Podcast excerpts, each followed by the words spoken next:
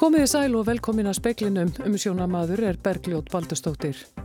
Bandaríska leinið þjónustan telur að flugskeiti hafi grandað ukrainskri farþegaþóttu sem fórst í Íran í fyrirnót. Fórsetisráð þeirra Breitlands krefst ítarlegrar og opinskára rannsóknar á slísinu. Að minnstakosti tól ferðamenn sem lendu í rakningum á langjökli í fyrradag hafa þegar leitað réttar síns gagvart fyrirtækinu Mountaineers of Iceland. Grunir er um að tveir livsalar hafi gerst segir um alvarlegt misferðli við afgröðslu Livja. Livjastofnun telur að umtalsvert magna af livseðilskildum Livjum hafi verið afgreitt án livseðla. Búast má við aldauða einhverja dýrategunda í Ástralíu vegna gróðureldana sem þar geisa.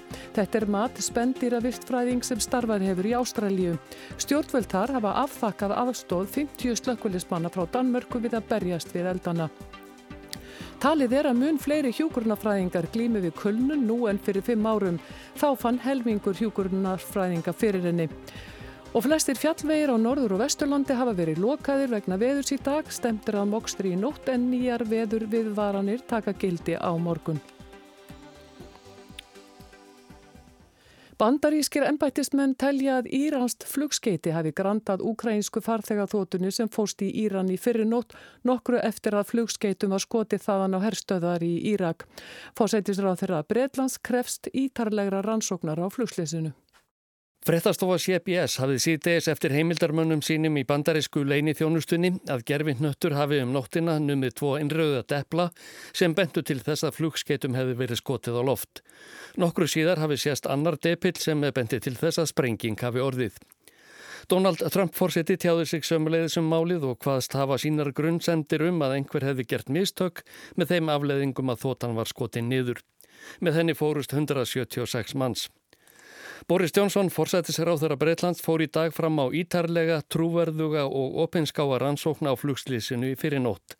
Hann rætti í dag í síma við Lotomír Selenski, forsætta Úkrænu og vottaði honum samúð vegna á þeirra lísti yfir áhyggjum að málinu, engum vegna þess að yfir maður öryggis og varnarmála í Úkrænu sagði í dag að rannsaka yrði það vandlega meðal annars hvort flugskeiti hefði grandað þótunni. Hún fórst nokkru eftir að Íranar geður flugskeita árás á tvær herstöðver í Írak þar sem herlið bandaríkja manna og annara allansafs bandalagsríkja hjælt til. Árásirnar voru gerðar í hemdarskinni fyrir að íranski hersöfðingin Qasem Soleimani var tekin af lífi í dróna árás bandaríkja hers í síðustu viku. Ásgeir Tómasson sæði frá. Ferðamennir sem lendu í rakningum við langjökul skrifuð undir skjál þar sem framkoma þeir gerðu sér grein fyrir þeim hættum sem fylgdu ferðinni. Minst tólf þeirra hafa þegar leitað réttar síns gegn fyrirtækinu Mountaineers of Iceland. Bjarga þurftum 40 ferðamönnum við langjökul í fyrirnótt eftir að þeir lendi í rakningum í velsliðaferð á vegum Mountaineers of Iceland. Að sög ferðamál á stofu hefur fyrirtækið sendt stopnuninni gögn um hvað gerðist og mun stopnunin fara yfir þau á næstu dögum. Mountaineers of Iceland byður alla þá sem fara í vélsleðaferð á vegum fyrirtækisins að skrifa undir skjál þar sem fram kemur að viðkomandi ger sér grein fyrir því að ferðin geti verið hættuleg. Guðmundur Sigursson, professor við lagadelt Háskólans í Reykjavík, saði í hátegisfréttum að svona skjál geti haft gildi upp að vissum marki en að ferðamennir gætu átt rétt á miskaða skadabótum. Og nokkrir þeirra hafa þegar ákveð að leita réttar síns. Lilja Margret Olsen lögmaður saði samtali við fréttastof í dag að hún sé þegar farin að vinnað bótakröfum fyrir tíu þeirra sem voru í ferðinni og að hún eigi vona á að heyra í fleirum. Þá er lögmannstofan Nordal og Valdimarsson að vinna fyrir tvo ferðamenn. Jóhann Bjarni Kolbensson saði frá. Grunur er um að tveir livsalar hafi gerst segjur um alvarlegt misferðli við afgreðslu Livja. Livjastofnun segir að grunur leiki á að umtalsvert magna af livselskildum Livjum hafi verið afgreitt án livsela. Morgumblæði greindi frá því í gær að livsali í Livju í Reykjanesbæ og livsali í Glæsibæ í Reykjavík væru grunaður um misferðli við meðferð og afgreðslu Livja. Lörglan í Reykjanesbæ rannsakar annað málið og Livjastofnun hitt. Kolbeinn Guðmundsson, yfirleknir Livjastofnunar og staðgengill forstjóra, segir í samtali við fréttastofu að ekki sé útilokað að málið í Glæsibæ verði kært til lörglum. Grunur leikur á að livsalinn þar hafi afgreitt talsvert magn livseðilskildra livja með óeðlilegum og ólöglegum hætti. Ekki fást upplýsingar um hvaða liv hann er grunaður um að hafa selt. Livjafræðingum er hvorki heimilt að skrifa livsæla nýja afgreiða livseðilskild liv án livsæla. Kolbeinn vil ekki tjásu um það hvort einhver læknir sé hluti af rannsókn Livjastofnunar. Bæði málinn komu upp rétt fyrir jól og morgunblæði hefur heimildir fyrir því að þau tengist. Ólafur Helgi Kjartansson, lauruglustjóri á Suðunessum, segir að rannsókn á livsalanum í Reykjanesbæ sé skamt á veg komin. Þar spili inn í personlegar aðstæður þeirra sem rannsóknin varðar, þær séu mjög erfiðar. Hann á ekki vona á að rannsókn ljúki á næstunni. Livsölunum hefur báðum verið viki frá störfum og hafa aðrir leifishafar tekið við ekstri apotekana. Jóhann Líðar Harðarsson saði frá. Landsréttur snýri á aðfangadag gæsluvarðalds úrskurði yfir tveimur mönnum sem báður eru grunaður um kynferðisbrot gegn börnum. Brot annarsmannsins teljast mjög alvarleg. Hér að saksóknari hefur til afgreðslu mál mann sem grunaður er um gróf kynferðisbrot gegn börnum á Suðurnissum. Madurinn sati í gæsluvarhaldi fyrir jól en var sleft á aðfangadag samkvæmt úrskurði landsréttar. Þetta staðfestir fulltrúi hér að saksóknara. Úrskurðurinn hefur ekki verið byrtur á VF domstólana. Hér að saksóknari óskaði eftir gæsluvarhaldinu sem var samþygt í hérastómi Reykjanes en hafnaði í landsrétti. Áður hafði maðurinn verið dæmtur í gæsluvarhaldað beðni lauruglunar á Suðunessjum sem hafði málið fyrst til rannsóknar. Farið var fram á gæsluvarhalda á grundvelli almanahagsmuna. Landsréttur fjælst ekki á það þrátt fyrir að hafa nokkrum vikum fyrr staðfest gæsluvarhaldsúskurð yfir manninum á sömu forsendum. Málið kom fyrst á borð lauruglu í haust og satt maðurinn í gæsluvarhaldi í um tíu vikur. Sankant frétt MBL frá 3. janúar var öðrum gæsluvarhaldsúrskriði hérastóms Reykjanes snúið á aðfangadag. Það gæsluvarhald var einnig vegna grunnsum kynferðisbrot gegn börnum. Að sögn MBL.is áreitti sá maður stúlku börn úr bílsínum og mynd barnanýðsefni fannst á heimili hans.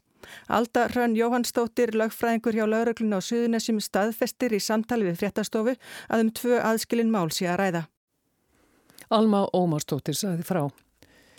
Stjórnvöldi Ástralíu hafa afþakkað aðstóð 50 slökkuleismanna frá Danmörku við að berjast við gróðureldar sem hafa brunnið mánuðum saman. Tríne Bramsen, varnamálar á þeirra, greinir frá þessu í fréttatilkynningu. Á síðustu tveimur sólarhingum hafa sapnast í Danmörku 700.000 danskar krónur til aðstóðar fórnarlömpum gróður eldana í Ástralíu, bæði fólki og dýrum. Það eru yfir 13 miljónir íslenskra króna. Rauðikrossin og alþjóða náttúruvendarsjóðurinn í Danmörku hafa veitt fjennu viðtöku. Bú Oxenberg, stjórnandi þess síðar nefnda, segist aldrei hafa kynst annari en skjafmildi. Greinilegt sé að dönum sé brúðið við að sjá fréttamindir frá Ástralíu, ekki síst þjáningar dýra sem geta enga björg sér veitt. Að sögn Rauðakrossins var það fyrir þrýsting frá almenningi sem ákveði var að standa fyrir fjársöfnun vegna hremmingana í Ástralíu. Fjöð sem Rauðikrossin hefur sapnað verður með að lannars nota til að kaupa drikjarvatn og til að aðstóða fólk við að koma sér upp þakki yfir höfuðið að nýju. Alþjóðanáttúruvendarsjóðurinn hegst styrkja fólk sem bjargar dýrum úr eldinum, þar á meðal kólabjörnum og bæta lífskilirið þeirra eftir að eldar hafa verið slögtir. Áskeir Tómásson sæði frá. Stemtur að því að opna þjóðveg eitt milli höfuborgarsvæðisins og akureyrar og djúb veg til Ísafjörðar á morgun. Veðurstofan hefur gefið út nýja viðvörun vegna veðus. Veðrið hefur sett samgöngur úr skorðum að norðan og vestanverðurlandinu í dag. Vegirnir um Holtavörðuheiði, Öksnadalsheiði, Vaskarð og Steingrimsfjörðarheiði verða lokaðir til morguns en vonast er til að hægt verði að móka í nótt. Stendir að því að fært verði á milli Reykjavíkur og Akureyrar og vestur og Ísæfjörða morgun þar sem akstur skilir því ættu að vera ágætt fram eftir degi. Búið er að opna Siglufjörðarveg en enn er lokað um þverárfjall. Á vestfjörðum er víða lokað og enn snjóflóða hætta í Súðavíkurlíð. Á Snæfellsnesi eru flestar leiðir ófærar en verið er aðtúa með mokstur á Bröttubrekku. Innanlandsflögum Reykjavíkurflögull er að komast á áætlun eftir miklar tafir í dag. Áætlað er að fljúa þrís var til og frá Akureyri og einu sunni til og frá Egilstöðum í kvöld. Mælst var til þess að foreldrar næðu í börn sín í lok skóla eða frístundarstarfs á höfuborgarsvæðinu en nú er búið að aflétta veður viðvörunum sem hafa ríkt í dag. Það er þó skamgóður vermir því nýjar taka gildi um hádegi á morgun. Appelsinu gulviðvörun er á Suðurlandi vegna austan hríðar og kvassviðris eftir hádegi og á vestfjörðum er appelsinugul viðverun í gildi frá klukkan 17 á morgun og fram yfir hádegi á lögardag. Þar er búist við mikill í snjókomu. Fólki er bent á að sína varkárni og fylgjast með veðurspám og færð á vegum. Andri Irkill Valsson tók saman. Rannveig Magnúsdóttir spendýra vistfræðingur segir að búast megi við því að einhverjar dýrategundur í Ástralíu verði aldauða vegna eldana sem þar geisa. Þeir eru náttúruhamfarir af mannavöldum á ofbóðslega stórum skala. Rannveig var í Ástralíu fyrir nokkrum árum við, við rannsóknir á lítilli fennjapokamús. Ég er búin að vera í miklu sambandi við félag mína og kollega út í Ástralíu út af ástandinni núna út af eldunum og sko, þau eru bara í áfalli. Það er bara, getið líka orðað öðruvísi.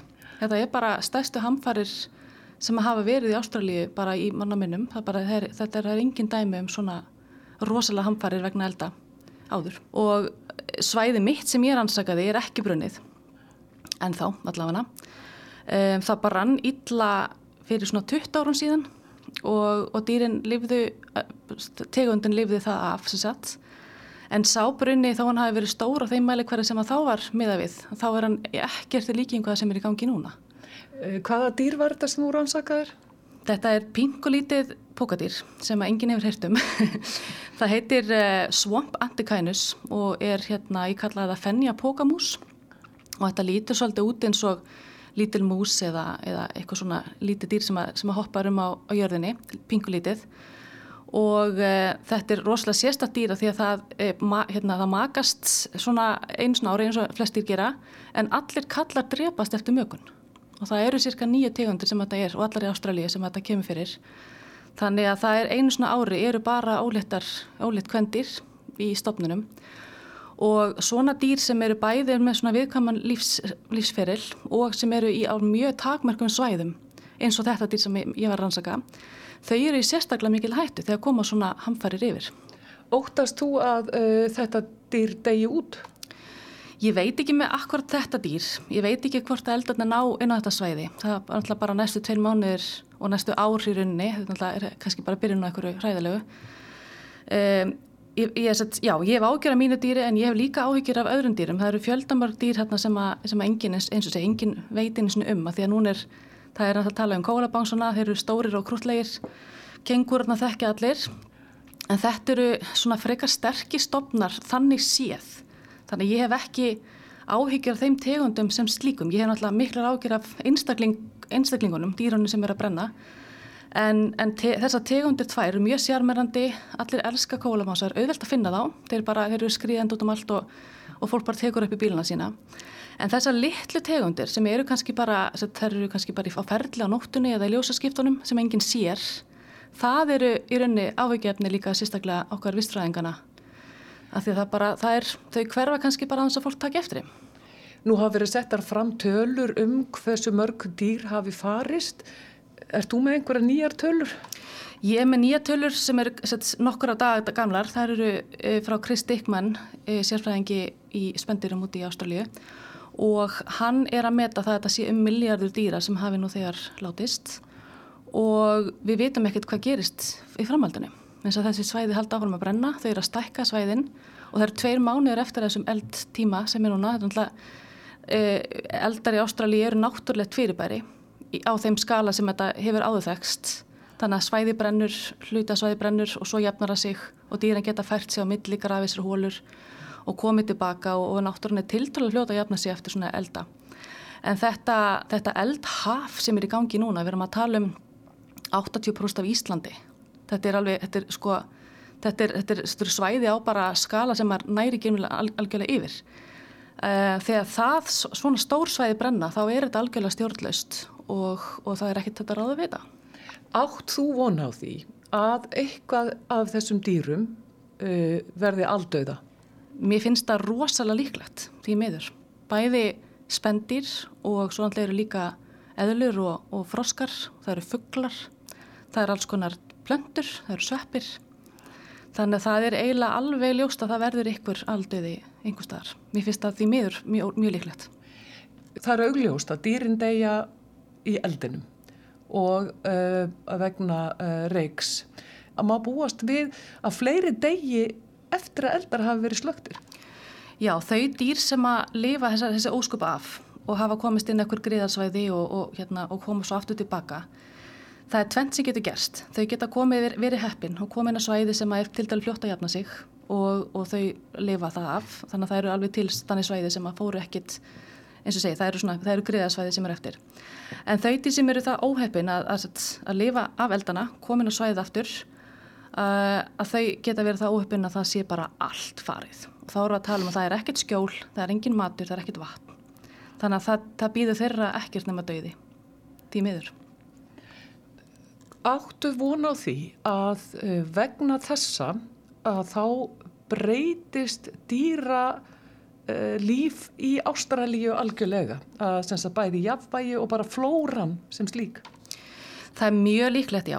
Að, og eins og segi, núna er fólk að klóra sér svo í kollunum og, og þannig að fyrsta legi er fólki áfalli, sérfrængarnir eru áfalli og nú eru svona að koma fram ykkur að hugmyndir um hvað, hvað geti gerst og það er ennþá mikil spurningamerki þar. Eins og segi, þetta er fyrir eftir svæðum, um, söm svæði muni jafna sig, það er alveg klart, við skulum ekki, þetta er ekki alveg dauð og djöfull alls þar, en, en mörg svæði eru bara algjörð spurningamerki, við vitum ekkert hvernig það fer og þetta það er unni, það fer, verður bara að fara fram í unni svona bara vistheimta starf næstu áratuga og næsti áratugur er sem er, sem er núna að hefjast eh, að hann er, er tilengaður endurheimt og endur, endurheimt vistkerfa hjá saminni þjóðunum. Þannig að það verður bara, við verðum bara að spýti lóana og fara í endurheimta starf og reyna að bjarga því sem bjarga er hægt. En, en það er alveg ljóst að sömsvæði mun ekki jafna sig 100% sko, og breytast. Segðu mig bara aftur svona í lókin, hvað heldur þú að breytist eftir þetta í þessu dýralífi? Hva, hvaða afleiðingar heldur þetta hafi? Sko þegar við töpum tegundum, þegar lífbreytileiki fer nýður, þegar við, þegar við erum að, já, við erum að tapa lífbreytileika, það er alltaf slæmt að því við erum að tapa þarna tegundum sem að geta verið mjög mikilvægar í vistkerfinu. Þannig að við erum að tapa kannski dýrategundum eh, sem er að, sem er að hjálpa plöntunum að, að frókast og, og, og komast á milli staða. Um, við erum að tapa bráð fyrir rándýr, vistkerfin eru svo mikilvæg og þau veit okkur að það er líka að kalla vistheimtar, nei við erum ekki, vistkerfa þjónusta. Þannig að á náttúrunar að þá erum við ekki með vatn, við erum ekki með mat, við erum ekki með húsaskjól og náttúran veitur okkur þessa þjónustu sem er kallið þessi vistkerfa þjónusta. Og þegar við erum að lama kerfið með einhvers konar, konar hérna, náttúrahamförum að mannaveldum eins og er að gerast núna, að þá erum við bara að breyta þessu alveg svakalega mikið og þá erum við, við horfum á þetta bara frá okkur, bara sjálfsælst frá manninum að þá erum við að tapa þessari þjónustu. Þannig að þá erum við að horfa upp á þurka, við erum að horfa upp á matarskort og, og hérna fyrir utan allt, allan, allan hörmungata sem er að gerast í visskerfinu sjálfu, þá erum við líka að skaða okkur sjálf. Þannig að þetta er bara, bara náttúrhamfarir af mannavöldum á ofbáslega stórum skala og það er búið að spá þessu. Þetta ekki, kemur í rauninni engum vistfræðingum eða lofslagsérfræðingum á óvart, því miður. Og afleðingarnar fyrir dýrin? Afleikarnir fyrir dýrin eru bara, eins og segja, aldauði ykkur að tegunda og, og gríðarlegar erfileikar næstu árum, áratugum að byggja upp visskerfin. Og svo vitum við náttúrulega ekkert hvað gerist. Er þetta bara byrjun á einhverju, einhverju hrylling sem að mun standa yfir í einhverjar áratugi eða við vitum ekki. Það er svo erfitt að spá fyrir um þetta. Og þetta var Rannveig Magnúsdóttir. Árið 2015 glýmdi 15 hjúgrunafræðinga á landsbítalanum við alvarleg kölnunareinkenni og svipa hlutfall stemdi að því að hætta innan árs. Þetta er niðurstaðar ansóknar sem byrtist í nýja tölublaði tímarits um viðskiptu og efnahagsmál. Einn rannsakenda telur ástandið hafa versnað síðan. Mannöðstjóri landsbítalans segir meira beri á kölnun en áður en að það sé líka meira gert til þess að spórna við henni. Rannsóknin er samanburðaransókn. Sambærileg rannsókn var gerð árið 2002 og þá fór minna fyrir kulnunareinkenum. Rannsækandur telja niðurstöðuna áhyggjuefni en það hafi kulnun ekki bara neikvæð áhrif á líðan fólks, heldur geti hún líka grafið undan öryggi sjúklinga og gæðum þjónustu á spítalunum. Rannsóknin tók til allra hjúkurnafræðinga og ljósmaðra á landsspítalunum. Helmingur þeirra svaraði spurningalistanum. Jana Katrín Knútsdóttir, viðskipta og hjúkurnafræðingur og einn rannsakenda á ekki vona á því að ástandið hafi batnað á þeim fjórum árum sem eru leiðin frá því hún sendi hjúkurnafræðingum á spítalanum konunina í tölvupústi. Það má alveg rekna með því að þessarnar séu jafnvel verri heldur en 2015 þegar rannsókninni framkvæmt. Um, Mönunin er hvað síst betri í dag heldur en nú var þá og álægi er alltaf aukast. Það er ekki lengur þessi toppar sem þekktust áður heldur er þetta langvarandi álag. Þekkir um marga hjókurnufræðinga sem eru frá starfi frá vinnu vegna kulnunar? Já, nokkra. Rannsóknin bendir til þess að kulnunar einkenni meðal hjúkurnafræðinga hafi bæði orðið algengari og alvarlegri á þessu 13 ára tímabili sem leiðmillir rannsókna. Árið 2015 reyndist einn af hverjum fimm hjúkurnafræðingum vera með alvarleg kulnunar einkenni. Árið 2002 áttið aðeins við um 6,4%. Það fjölgaði líka í hópi þeirra sem eru með miðlungsalvarleg einkenni kulnunar. Árið 2015 taldist helmingur hjúkurnafræðinga á landsbytalinum þannig verið með miðlungs eða alvarleg einkenni. Hlutfallið var 30% árið 2002. Og svo er það sá hópur sem að hyggst segja upp störfum innan árs. Hann stækkaði mikið á tímabilinu. Þetta átti við um rúm 17% árið 2015 en rúm 7% árið 2002. Í ljósið þessar neikvæðu þróunar er kannski þversagnarkent að starfsánægja hjókurnafræðinga minkaði aðeins lítilega millir rannsóknana. Megin Þorri segist ánaður í starfisinu á spítalunum og ánaður með að vera hjókurnafræðingur. Ég held að stór partur af því er það sem kalla mætti innri starfskvöld hjókurnafræðinga. Það er eitthvað annað sem drýfur því áfram í starfinu heldur en starfsaðstæðunar. Þessi köllun sem er stundum talað um, þetta sé svona köllunar starf. Já, akkurat. Áður en Jana Katrín hóf rannsóknina árið 2015 lagði hún fram rannsóknartilgátur. Hún gat sér meðalans til um að kulnunar einkenni væri orðin algengari meðal hjúkrunafræðinga en hvers vegna dró hún þá álíktun? Ástæðunar sem hún nefnir eru margar, þjóðin er að eldast og fólki sem ligurinn á legudeldum spítalans er veikar en áður. Stjætt hjúkrunafræðinga er líka að eldast. Það eru færre og færre sem er að velja sér hjúkrunafræði og hjúkrun sem sitt æfistarf og þeir sem eru hjúgrunfræðingar, þeir eru sífælt að leita í önnur störf. Hvað er það helst sem að stuðlar að kulnun meðal hjúgrunfræðinga á landsbytalanum? Í þessari rannsók þá erum við að beina sjónum okkar að starfsumhverfinu. Við erum ekki að horfa á aðstæður einstaklingsins utan hans í rauninni eins og margar aðra rannsóknir hafa gert. Um, Niðurstöðu þessara rannsóknar eru það er að það eru fyrst og fremst það eru mönnun og það er stuðningur og samskipti við stjórnendur sem skipta máli. Já. Er eitthvað sem að landsbytalinn getur bætt bara í sinni mannuðstefnu og koma betur til móts við þá sem að e- eiga hættu að fá kulinarenginni eða eru jafnvel með alvarleg kulinarenginni? Já, það er alveg klárlega hægt að, og það þarf að, að styðja stjórnendur í að takast á við þessi vandamál og koma auga á enginni þessar kulinunar til dæmis á sínu undumannum og geta stutta. Í skilgreiningu alþjóða heilbriðismálastofnunarinnar er kulnun í starfi sögð tilkomin vegna langvarandi streitu sem ekki næst stjórn á. Einkennin eru óæðileg og hamlandi þreita, andleg fjárvera eða neikvægt viðhorf til starfsins og að finnast getan til að sinna starfinu fara minkandi. Einkennin geta verið misalvarleg, allir finna einhver tíman fyrir einhverjum einkennum kulnunar en stundum verður hún svo alvarlega fólk örmagnast algjörlega og getur ekki unnið. Það getur tekið fólk sem brennur algjörlega út langan tíma að ná sér og sumum finnst þeir aldrei ná sér að fullu. Það er því mikilvægt að grípa snemma inni. Ásta Bjarnadóttir, framkvæmdastjóri manniðsmála á landsbítalinum, segir að síðastliðin ár hafi farið að bera meira á kulnunarvanda á spítalinum. Það hafi líka verið gripið til aðgerða til að bregðast við honum. Kulnun er fyrirbæri sem að vissulega við verðum vörfið og er búið að vera aukast, ég held að það sé hægt að fullir að það. Á hinbóim á benda á það að kulnun var ekki skilgreynd sem fyrirbæri svona alþjóðlega í fræðarsamfélaginu fyrir en sent á síðustu öld. Þannig að það er tiltöla stöttu tími kannski sem að þetta fyrirbæri hefur verið mælt. Þannig að eh, aukningin er örgla til staðar en það er líka kannski svolítið verið að átta sig á því hvað þetta fyrir bara í þýðir. Er kulnun, finnst þér alvarlegur vandi á landsbytalinum sem að hefur bara áhrif á, á starfið?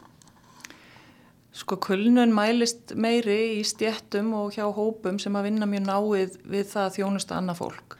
Til dæmis kennarar og þeir sem koma að hjúgrunn og, og svona beitni þjónustu við man, man, miklu mannlegum samskiptum.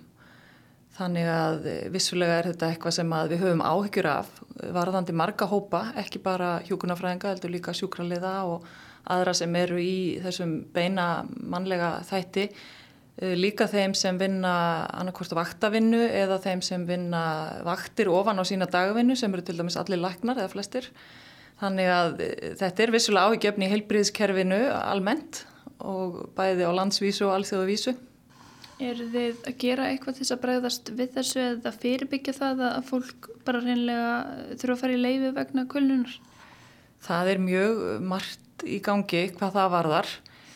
Um, við höfum verið að vinna með það eh, af því að kölnun er eh, einkenni sem er svona andlega upplifun og tengist uh, svolítið því að hafa stjórna á sínum aðstæðum og að búa við góða stjórnun í umhverfinu. Uh, þannig að við höfum verið að vinna með gæði stjórnunar og samstarf stjætta aukna teimisvinnu þannig að fólk upplifi sig ekki sem eitt í heiminum heldur sé teimi sem er að vinna og grýpur þig.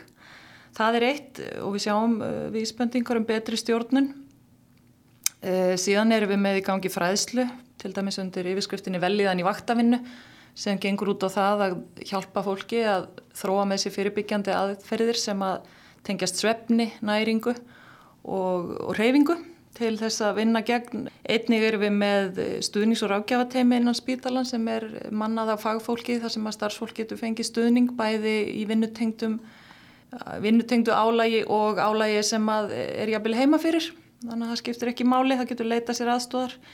Nýta margir þann kost? Já, mjög margir og við höfum verið að auka við þá þjónustu. Einnig eru við í samstarfi við virk eh, starfsendurhefingu um fyrirbyggjandi úrræði þar sem að fólk sem er í áhættu við að lenda í kulnun getur fengið stuðning. Þannig að það er ímslegt í gangi. Við höfum líka verið í gangi með tilrönaverkefni um breytt starfsumhverfi, engum í hjúgrunn sem að uh, gengur út á uh, breytt vinnufyrirkomulag og, og minni bundna viðveru við, við rúmsjúklings. Um, vildum gætna sjá stittri vinnuviku hjá vaktavinnufólki en það er búið að stitta vinnuvikuna hjá mörgum öðrum hópum í samfélaginu en það hefur ekki, ekki náðin í hilbyrðiskerfið. Eru margir í leifi núna frá störfum vegna kulnunar? Uh, veikindi uh, eru náttúrulega trúnaðmál og eðli veikinda er ekki skráð hjá okkur. Við erum með trúnaðlegni sem að hins vegar eh, getur hérna, hjálpar okkur við að, að vinna með þessi mál en eh, þannig að við skráum ekki sérstaklega eðli þeirra veikinda sem að valda fjárvistum frá störfum. Það er einfallega persónuvendar sjónamið. En hver er svona þín tilfinning bara því að þú lítur að hafa svona ákveðna yfirsýn? Já, ég treysti mér ekki til að nefna en að tölur í sambandi við það en, en þetta er þetta til staðar, já finnst þér uh, þetta vandamál hafa uh, að núna er þessi rannsók til ásins eða hún, hún tekur til ásins 2015 heldur að, að frá þeim tíma hafi þetta uh, versnað eða, eða batnað? Það er líka erfitt að segja sko um, 2015 voru við ekki byrjuð á þessum tilrunaverkefnum sem að miða því að breyta vinnufyrirkomulegi hjókunarfræðinga en það er erfitt að segja Nú er mikið búið að ræða um álægið á bráðamótökunni. Verði vörfið það að fleiri glými við til dæmis já, þó kulnunar einkenni af þeim sem starfa þar, að þetta sé algengara á svona deildum þar sem er uh, kannski meira álag? Það bara treyst ég mér ekki til að fullir það. Því það er líka, líka álag að vera kannski í fámennar í hópi og bera ábyrð einn. Þannig að Þetta er mjög margslungið, þetta tengist bæði aðstæðum á vinnustaf og upplifin einstaklingsins á þeim aðstæðum og hvaða bjargir hann hefur. Þannig að hérna, ég bara þyrt, þurft að skoða það betur. Eitt af því sem er nefnt uh, er mönnunin að hún sé áhrifaþáttur sem ítir undir kulnun. Er eitthvað sem þið getið gert þar?